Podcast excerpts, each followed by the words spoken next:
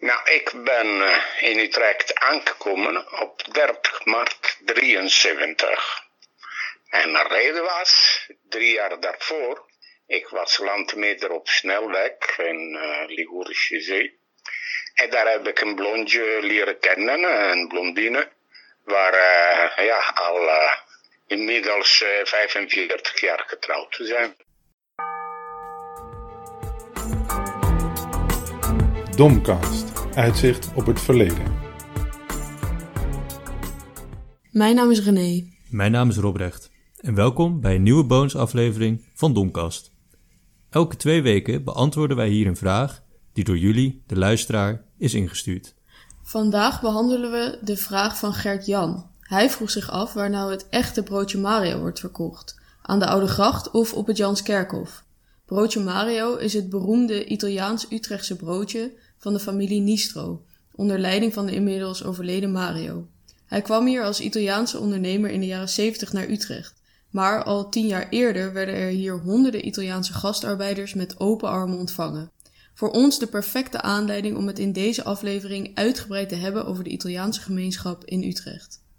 Waarom lieten zij huis en haard achter en verruilden ze hun moederland voor Utrecht? Hoe werden zij verwelkomd? En hoe vergaat het de Italiaanse gemeenschap vandaag de dag? Dit zijn allemaal vragen waar we deze aflevering antwoord op proberen te geven. Deze keer duiken we niet de boeken of archieven in, maar spreken we met drie ervaringsexperts. Twee hiervan, Andrea Mantione en Filippo Rizzone, behoren tot de eerste generatie Italiaanse migranten die hier in de jaren 70 naartoe kwamen. Onze derde gast, Roberto Pelletta, is voorzitter van de Italiaanse gemeenschap in Utrecht, genaamd ACLI COI. Hij kwam pas later, in 2007, naar Utrecht. Roberto zult u in het Engels horen. Maar laten we bij het begin beginnen. Ik sprak Filippo in zijn huis in Kanaleiland. Hij vertelde hoe in mei 1961 een Nederlandse commissie zijn geboortedorp op Sicilië bezocht. Toen was er eentje, daar bij de arbeidsbureau zeggen, ja, uh, wil je er verantwoordelijk nemen? Dat was ik. We hebben twintig mensen nodig. Hij zei, wat is hier een commissie, van Nederlandse commissie. Hij zei, die willen mensen om in, de, in die fabrieken te werken. Nou, kom op volgende week om 9 uur in dat uh, restaurant en hotel waar hun uh, slapen zijn. Ja, het is speciaal gereserveerd voor. Nou, daar hebben ze verteld hoe dat ging. En dan konden we werken, hoeveel konden we verdienen. Ja, maar hoe zit het met huis? Dat regelen wij allemaal. Dus ja, jullie krijgen gewoon een contract, dat verdienen jullie en wij regelen gewoon. Je hoeft niet eens een huis te gaan zoeken, hij zegt, dat regelen wij. Ja, huis, ja. pensioen dan. Ja. En ze doen de, kwam, uh, was in mei, deze tijd was het. En uh, de eerste dag ik, we, dat we gingen werken, dat was de 9 augustus. Want het heeft zo lang geduurd. Want dan moest eerst gekeurd worden. Dan moest je naar de kantonrecht. Als je een criminele was, dan kreeg je de paspoort niet en dan kon je ook niet komen. En in Milaan was een Nederlandse commissie. En de Nederlandse commissie, dat waren doktoren, specialisten, want die moesten gekeurd worden. Maar wij werden ook eerst gekeurd in Sicilië. Allemaal, want als je ziek was, ja, dan kon je niet komen werken natuurlijk. Want daar hebben zo'n zieke man hebben ze hier niet, hadden ze niet nodig.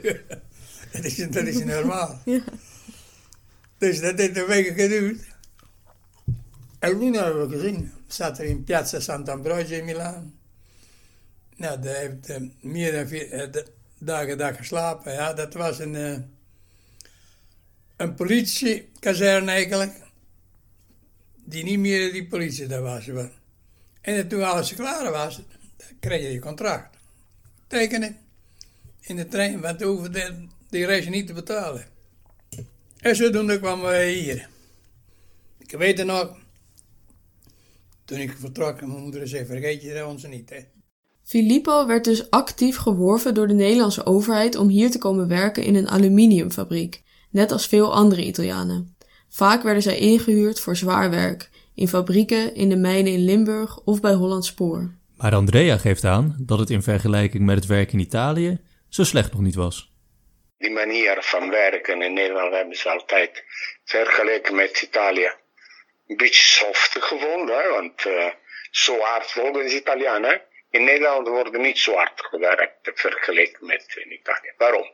Hier ben je, uh, hebben ze gewerkt in fabrieken met, uh, met rechten van de arbeid. Hè? Dus zoveel uren werken enzovoort, pauze. Hè? Die hadden in Italië niet. De meeste werken in het land. En het land is, zolang het licht is, moet je werken. En hygiënisch gedoe is anders.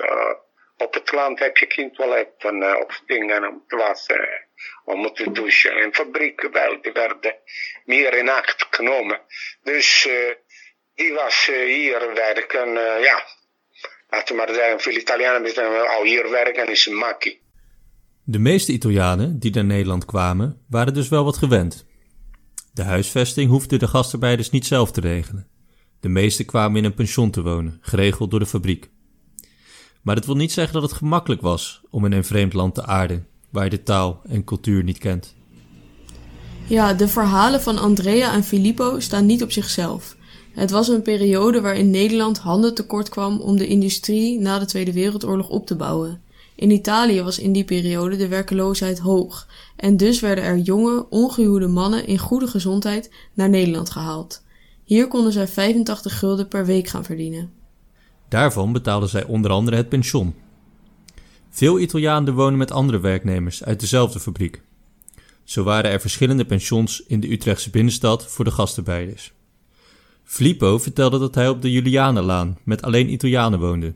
En zo waren er ook gescheiden pensions voor Griekse, Turkse en Spaanse werknemers. De doorstroom was echter groot. In 1972 weten we dat al zo'n 3000 Italiaanse jonge mannen getrouwd waren met Nederlandse vrouwen. Ook in Utrecht vonden de Italiaanse Romeo's hun liefde en zo verspreidden zij zich over de stad, zo verklaart Andrea. Italianen hebben ze altijd gespreid gewoond in Utrecht. Niet bij elkaar. Hè? Die gingen ze wel op visite. Waarom? Omdat net als toen zij in de tijd, die waren getrouwd met Nederlands meisje die op de dansvloer hadden ze ontmoet. De meeste was zo, hè? de meeste verhalen.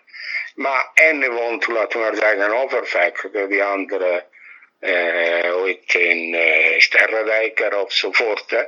Dus, uh, en omdat meestal hebben ze in het begin die ouders van die meisjes zeggen, ja, ik wil mijn dokter toch dichterbij hebben. Dus hebben ze huizen dichterbij bij de moeder. Niet in dezelfde huis, maar dichtbij, laten we maar zeggen. Omdat, ja, misschien vertrouwen aan de Italianen niet, weet ik niet, maar goed. De Italianen leerden al gauw de voordelen van de fiets kennen. Zoals Filippo vertelde, konden ze daarom tot diep in de nacht de dancings in Amersfoort en Zeist onveilig maken. Gingen dansen naar de Cavo. Dat was onder Hotel Smit hier op de Vrijburger vroeger. Ja. En in Hilversum gingen we dansen naar Garzabo. En in Zeist. Uh, Rialto in Zeist. Die gewoon met fietsen gingen we dan. Ja, in de weekend. Dat deed de Nederlander ook. Er was niks anders ja, toen die tijd. Dancing gewoon. Dan gingen ze mensen dansen daar. En uh, borrelen drinken. En al die meisjes die een baan hadden, daar kwamen ook. En daar leer je mensen kennen. Ondanks het gespreid wonen zochten Italianen elkaar op. Want ze hadden sterk de behoefte om naast de dancing ook onder elkaar te zijn.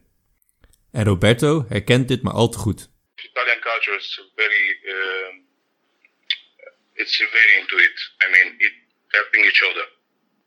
And uh, our association, for example, it's almost, uh, it's more than uh, 50 years old. And uh, that's because it was very uh, natural to be together, to help each other. De vereniging waar Roberto het over heeft, werd in 1974 opgericht en heette destijds het CRLI. En vergeef me mijn uitspraak, maar Circolo Recreativo Lavoratori Italiani staat het voor. Dit recreatiecentrum voor Italiaanse gastarbeiders werd onder andere gefinancierd door de gemeente Utrecht. Destijds zaten de Italianen en Grieken in hetzelfde pand. Dus met de Grieken hebben we ook veel dingen samen gedaan. Ja? Oh, in dezelfde gebouw op de villen van Noordstraat, maar ook op de, de wilde zingen. Bijvoorbeeld keuken, dansavond enzovoort. Hè. Want toen in die tijd werden er veel feesten gemaakt. Grieken en Italianen dansen graag. Dus die werden uh, ja, feestavond en die was uh, Griekse muziek, Italiaanse muziek, uh, Griekse aapjes, Italiaanse aapjes. Die werden altijd goed met, met elkaar gegaan. Dat, is, dat was prima. En toen hebben we bevorderd, als bestuur zoiets, omdat ja, Italianen praten geen Grieks, Grieks praten geen Italiaans. Dus ze waren verplicht om een beetje Nederlands te praten. En dat was goed voor de ontwikkeling, laat maar zeggen. Ja, de Nederlandse taal leren. Zo gemakkelijk was dat niet. Ja, want mijn vrouw die gaf dezelfde Nederlandse les aan veel Italianen. Daar was ik ook erbij in die les. En, en, en die werd ook uh, voor 50% door Italië betaald en 50% hier door Nederland. Om, wat moest je dan leren? Grammatica natuurlijk. Uh, grammatica, want Nederlandse grammatica is hartstikke moeilijk. Heel moeilijk. Want, als je goed bekijkt, sommige Nederlanders worden boos. Als ik dat zeg, ik zeg, jullie hebben niet eens een eigen taal. Ah, nee. Ik zeg, ik zeg, hoe noem je een portemonnee? Ja, portemonnee. Ik zeg, dat is Frans. En dan zeggen ze een umbrella, zo'n paraplu. Ja, paraplu. Ik zeg, dat is geen Nederlands. Ja. Ik zeg, jullie hebben rommelen taal. Maar ik vond het mooi om het te leren. Ik ging altijd vragen, ja, wat is dat? Ja, dat zeggen we zo. Oh. Maar er werden af en toe wel in de maal ingenomen. Er werden bepaalde woorden geleerd door mensen. Dat er niet klopt. Ja, bijvoorbeeld met eten. Ja, eh, dat ik, er was nog twee weken hier. Ja, jullie kunnen alleen maar vreten.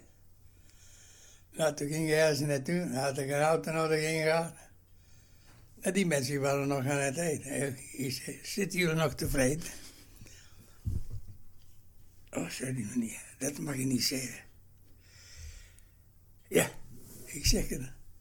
Ja, dat zijn, dat zijn, dat zijn, het is grappig. Het is grappig, maar dat, dat, dat zeggen wij niet hoor. Vanzelfsprekend brachten de Italianen ook aspecten van hun eigen cultuur naar Nederland. Maar welke cultuur was dat dan? Want bestaat de Italiaanse cultuur eigenlijk wel? In Italië die bestaat geen Italiaanse keuken. Die bestaat niet. En uh, bestaat een regionale keuken. Want op Sicilië wordt anders gedaan dan uh, in Venetië, laten we maar zeggen. Hè?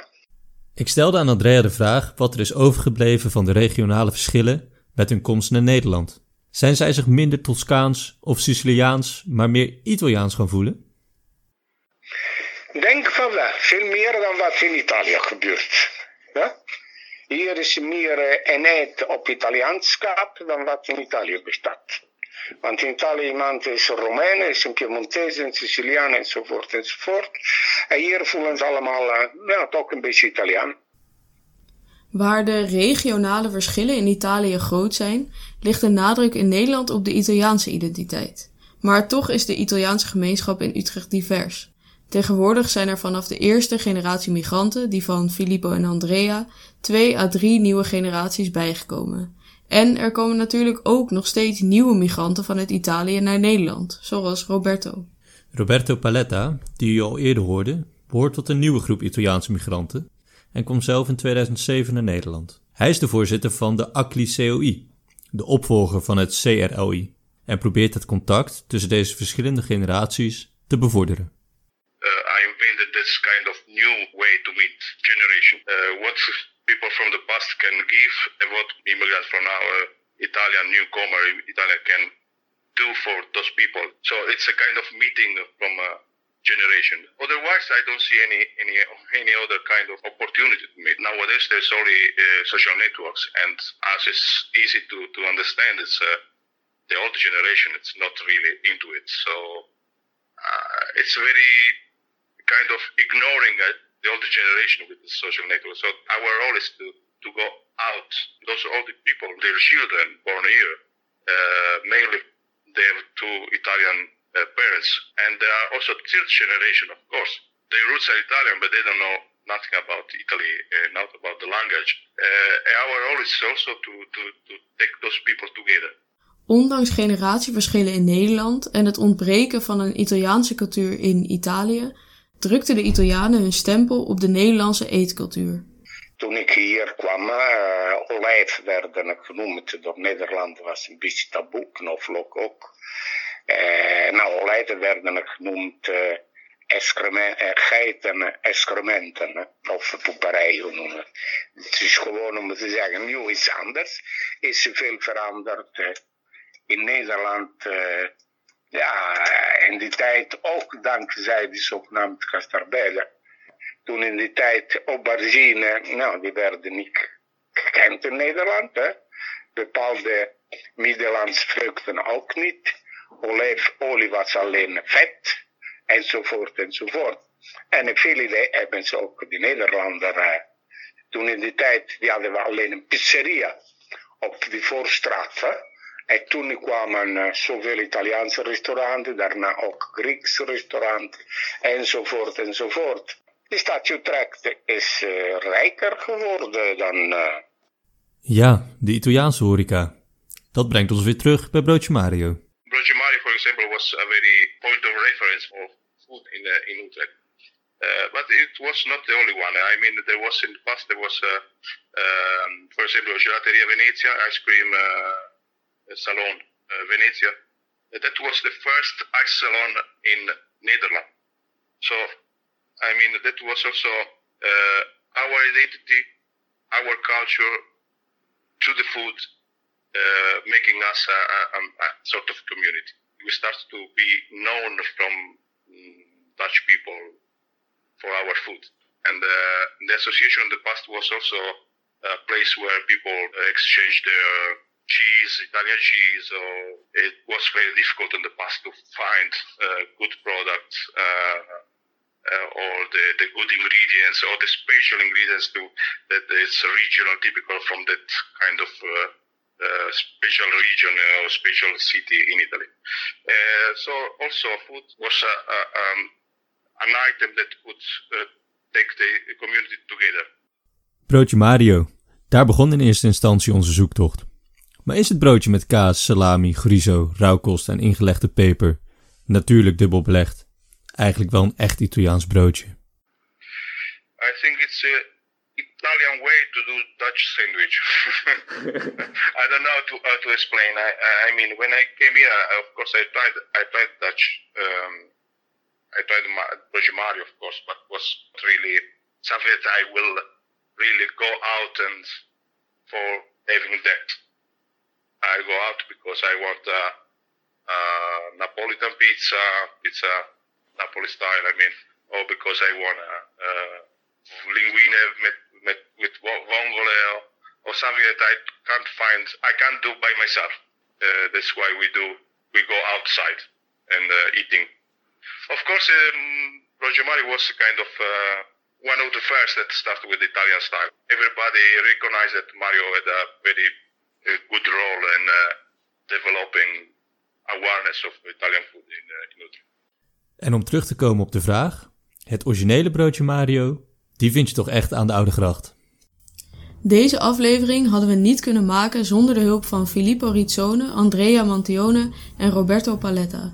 Ook willen we Ries Adriaanse van 50 jaar gastarbeiders Utrecht bedanken voor zijn hulp. En wil je nou meer weten over Broodje Mario en Mario Nistro? Een uitgebreide geschiedenis vindt u op www.broodjemario.nl. Voor meer informatie over Domkast kun je een kijkje nemen op de website, onze Facebook of Instagram. Heel hartelijk dank voor het luisteren en tot volgende keer.